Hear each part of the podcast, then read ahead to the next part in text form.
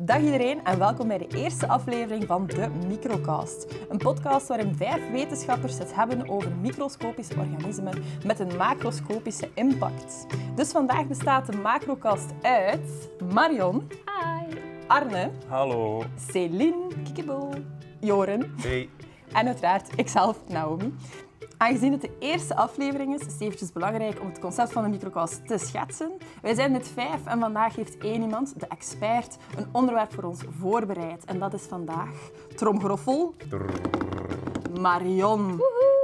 Dus Marion, over wat ga jij het vandaag hebben? Het gaat vandaag over de Panama-ziekte bij bananen. Oh. En meer specifiek over de micro-organismen Fusarium oxysporum. Zoals Naomi dus eh, heeft aangekondigd, ga ik jullie twee waarheden en een leugen verkondigen. De eerste is, de Panama-ziekte heeft ervoor gezorgd dat de meest geteelde banaan ter wereld volledig uitgeroeid is. En wie de smaak van deze oude banaan wil proeven, kan dat alleen nog maar doen door bananensnoepjes te eten. Optie 2. Er bestaat geen enkele manier om onze bananenplanten te kruisen met een andere variëteit die resistent is tegen het pathogeen, omdat er geen bananenvariëteiten bestaan die resistentiegenen bezitten. Oké. Dat is optie Wacht, 2. het is maar één waar. hè? Er zijn er twee waar en één is Ah, een leugen. twee waar. Goed, Dat is het concept van twee waarheden en een leugen. Ik dacht dat het omgekeerd was. En dan tenslotte de derde. Het is zeer waarschijnlijk dat alle bananen die jullie ooit hebben gegeten afkomstig zijn van een handjevol planten die opgegroeid zijn in een serre in het Verenigd Koninkrijk van William Cavendish, de sixth Duke of Devonshire. Wauw. Ze is specifiek al. Amai. Ja, ja, ja. Maar als jij daar een leugen hebt uit moeten verzinnen, heb je dat wel goed gedaan. Dank u. Dank u. Zo specifiek. Ik heb mijn best gedaan. Ik heb het gevoel dat ik dat laatste wel ergens al gehoord heb. Ja. Ja. Cavendish banaan is wel een ding. Hè. ja. Ah, is dat? Ja, dat bestaat. Maar Dat, is dat, dat vind je in de winkel of zo. Dat is een soort dat ras. onze banaan is nu zeker. Een soort ras. Dat die zo noemt gewoon. Ja. En wat was het tweede nu weer? Ik denk dat dat de leugen is. Dat er geen Ik ben resistent... ver- ah, ja, eh, dat er geen enkele manier is. Ja. Daar geloof ik in, want anders was het probleem gemakkelijk opgelost, toch? Ik denk dat dat de leugen is, want het eerste klinkt mij ook heel bekend. Ja. Nee, ik denk vooral omdat het ook gewoon heel specifiek zou zijn om dat te verzinnen. Het eerste deel is sowieso gebeurd dat er een bananensoort Ja. uitgeroeid is. Maar dan met die snoepjes En gaat het dan echt de smaak zijn van dat? Maar is dat dan de leugen? komt dat wel uit bananen. De smaak van bananensnoepjes. Dat is toch Ja. allemaal Maar dat is een grotere kwestie, denk ik. ja, nee, maar dat, dat zou ik nog wel geneigd zijn om te geloven. Ik denk dat de leugen nummer twee is, persoonlijk. Ik ook. Dus wij denken dat je wel variëteiten kunt kruisen met elkaar om ze zo resistent te krijgen tegen een ziekte. Banaan Ja. is wel steriel, hè? dus je kunt die eigenlijk niet kruisen op de normale Je manier. moet die vegetatief stekken. Ja. Oei. Maar jullie weten al veel meer dan ik. Maar, ja. maar kunnen we dat dan? Ik heb dat gelezen in de boek van... Hoe ik dat vertaal? Welk? Die boek van eh Hattie Helsmoortel. Ah, Daar, daar is een hoofdstuk bij over planten en banaan is een van de voorbeelden van iets dat met CRISPR gaat aangepast worden in de toekomst. ah. En de reden daarvoor is dat dat niet gekruist kan worden op de normale manier, omdat die steriel zijn. Als je opzoekt banaan uit de natuur, de oorspronkelijke voorouder, heeft echt van die dikke zwarte zaden, terwijl dat onze banaan heeft geen zaden meer. Juist, want een banaan is een bes. Bes. Een bes. Oh, wauw. Mind is blown. Ja, Marion, eventjes om context, context te geven. We hebben een paar keer eh, aan de lunchtafel discussie gehad over verrassende fruiten. En eh bananen is daar één van. Hè? Dus eh, wij denken dat het wel waar is dat alle bananen afkomstig zijn van iemand uit Engeland. Was Ja. dat de, de laatste? Ja, ik denk dat wel. Maar Misschien moeten we stemmen. manier? Ja, we zullen stemmen. Oké. Goed. Oké, Arne? Ik denk twee. Dus dat tweede Céline? leugen is. Ik denk ook dat het tweede een leugen is. Oké, joh. Ik denk het ook. Ik denk het ook. Oeh. Oh, Unanimiteit. Wel fijn voor deze Yes aflevering. of niet? Wel, ik zal eerst gewoon een mini achtergrondje geven. Ah, en dan zal ik revealen welke dat er effectief de leugen was. De Panama-ziekte is dus een plantenziekte die veroorzaakt wordt door de schimmel Fusarium oxysporum. En die tast bananenplanten aan door vanuit de grond de wortels binnen te dringen. Dus daardoor wordt het vochttransport gehinderd en het blad zal vergelen en de plant zal verwelken. Dat is hoe dat de, de schimmel te werk gaat. En daarnaast pro- produceert hij ook verschillende moleculen die de plant verder gaan aantasten. Eh, de ziekte vormt ook samen met de zwarte Sigatoka-ziekte, ik hoop dat ik dat juist heb uitgesproken, ehm, een heel ernstige bedreiging voor onze bananenteelt.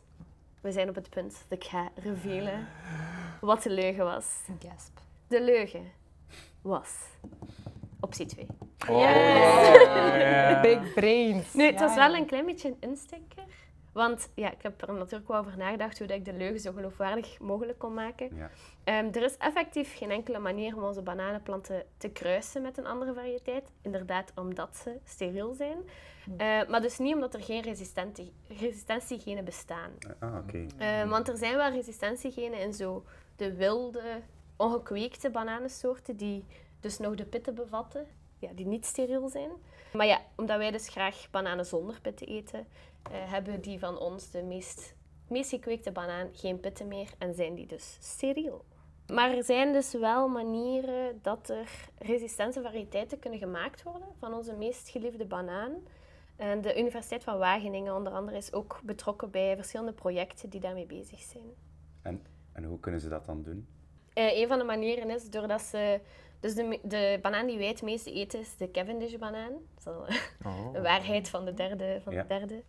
Ehm, en daarin kunnen ze eigenlijk de genen vergelijken met wilde bananensoorten. En degene die de resistentie veroorzaakt, zouden ze kunnen aanpassen.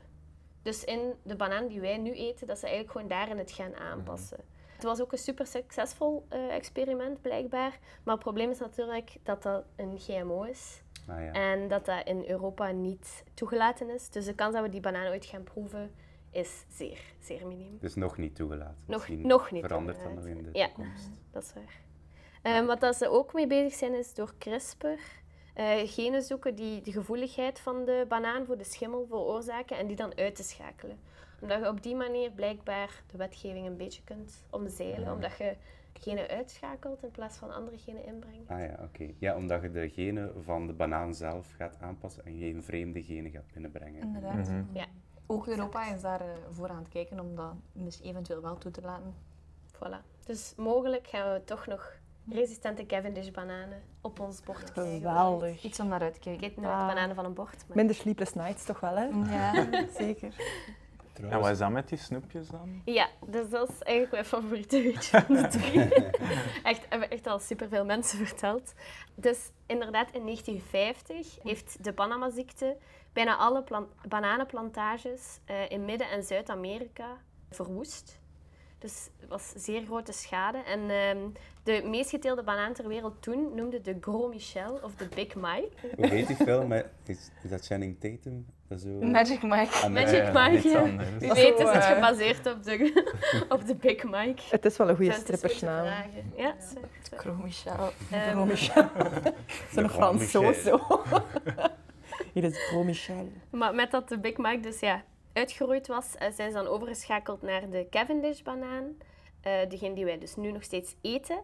En het ding is, die smaak die is technisch gezien nog soort van bewaard in bananensnoepjes. Omdat vroeger, toen dat ze synthetische smaken aan het proberen ja, introduceren waren, deden ze niet echt analyses naar fruitsmaken, maar deden ze gewoon zo wat, hier is een chemische molecule. Smaakt het naar iets? Ah ja, toevallig wel.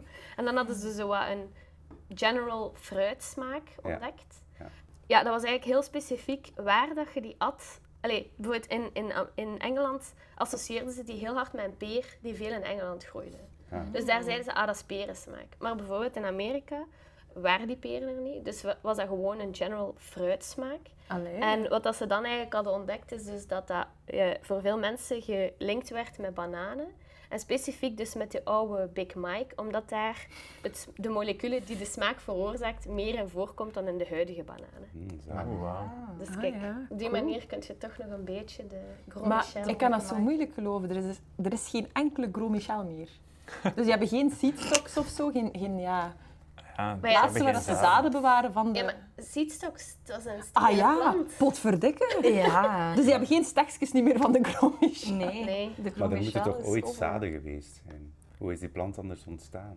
Maar ja, dan geen Gros Michel meer. Hè. Dan hebben ze de... Ah ja. De voorouder, ja. De Ik denk dat het tijd zou zijn voor een informatiebox over eh ja, steriele vermenigvuldiging. Nee? Want Ja. ik weet niet of dat mensen... Ah, dat is voor Celine. Jij doet de boksen. Steven, jij, bent, eh, jij weet het meeste Google, vermenigvuldiging. Celine, ben je daar? Ehm, dus beste ploppertjes. eh, vegetatief stekken is het Ah, principe, denk ja. ik. Wat jullie allemaal thuis kunnen toepassen. Een plant bijvoorbeeld uit elkaar halen, in een aarde steken en dan gaat het gewoon terug vermenigvuldigen. En ik vermoed dat dat is gebeurd met de banaan. Banaan. Zonder dat er een kruising tussen twee Ja. verschillen, een mannelijke en een vrouwelijke Inderdaad, er wordt geen genetisch materiaal doorgegeven. Allee, gewisseld, uitgewisseld, maar er wordt eigenlijk gewoon een kloon gemaakt. Een Ja, kloon en een kloon en een kloon. Dus Wat is zo'n voorbeeld? Zoiets dat veel mensen hebben van... Bana ehm, aardbeien. Aardbeien stekken. Ja. Aardbeien zit zo vaak Zo van die planten dat bij je grootmoeder dikwijls... Sanseverias. Ah, Maar ja, van die succulentjes in het algemeen, hè? vetplantjes. Ja, je trekt dat uit elkaar, zet dat opnieuw in aarde en dat gaat teruggroeien. Dat Dat zijn allemaal Ja. klonen van exacte Mhm. replica's van elkaar. Is dat ook niet met pannenkoekplantjes? Dat Ja. ook overal van die kindjes? Ja. Ja.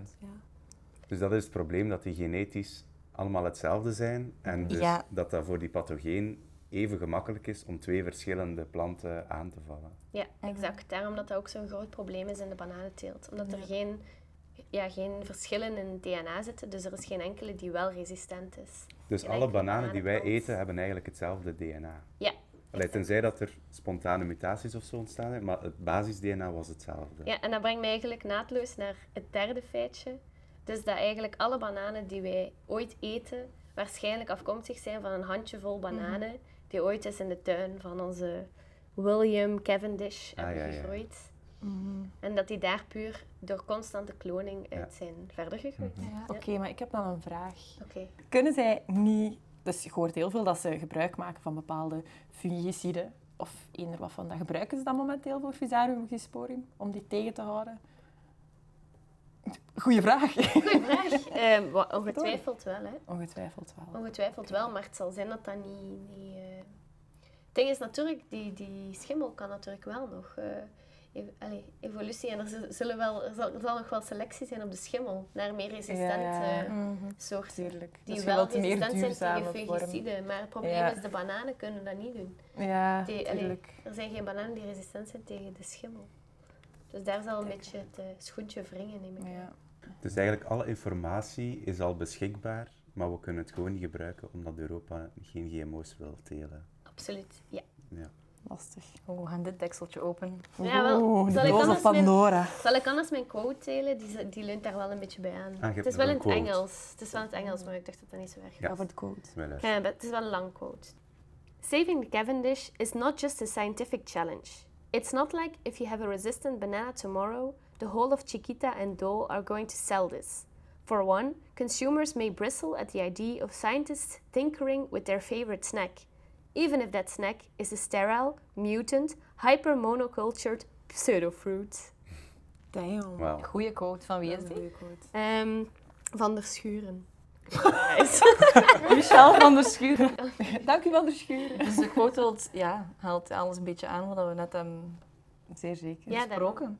inderdaad. Ja, ook vooral dat mensen nu veel zagen op GMO's omdat ze niet natuurlijk zijn. Maar de groenten en het fruit dat we nu eten, dat is al lang niet meer wat dat er vroeger in de natuur groeide. Hè. Nee, nee. Absoluut. Voorbeeld pompelmoes.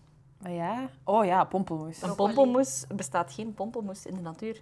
Wauw. Je hebt zo van die radioactive farming, hè, waar dat ze Ja. zoiets radioactief in het midden van je veld zetten en dan heb je cirkelvormige velden daar rond, Ja. met vaak fruit. Ah ja, inderdaad. En dan wordt er inderdaad gekeken naar spontane mutaties die in de Mhm. groenten of fruit gebeuren. En dan... Ja, en die planten dat daar dichtstbij stonden, die gingen dood. Hè. Ja, ja, dus die inderdaad. dichtste gingen allemaal dood. Die daarbuiten die kregen allemaal tumoren en zo. Ja, en dan pas dat je die dat je kunt gebruiken. Dus, ja. Dus om samen te vatten, eigenlijk zouden we de bananen kunnen redden, mochten we willen. Absoluut waar. Ja, dat is iets om over na te denken. Oké, eh, dank u wel Marion voor eh, deze interessante weetjes. Eh, volgende keer gaan we het hebben over een andere schimmel, maar deze keer is hij voordelig voor de plant. Dus luister zeker naar de volgende aflevering van de Microcast. Fan van deze podcast? Bekijk dan zeker eens onze sociale media door te zoeken naar de Microcast op Twitter, Facebook, Instagram, Postduif, whatever floats your boat. En eh, dan horen we graag van jullie.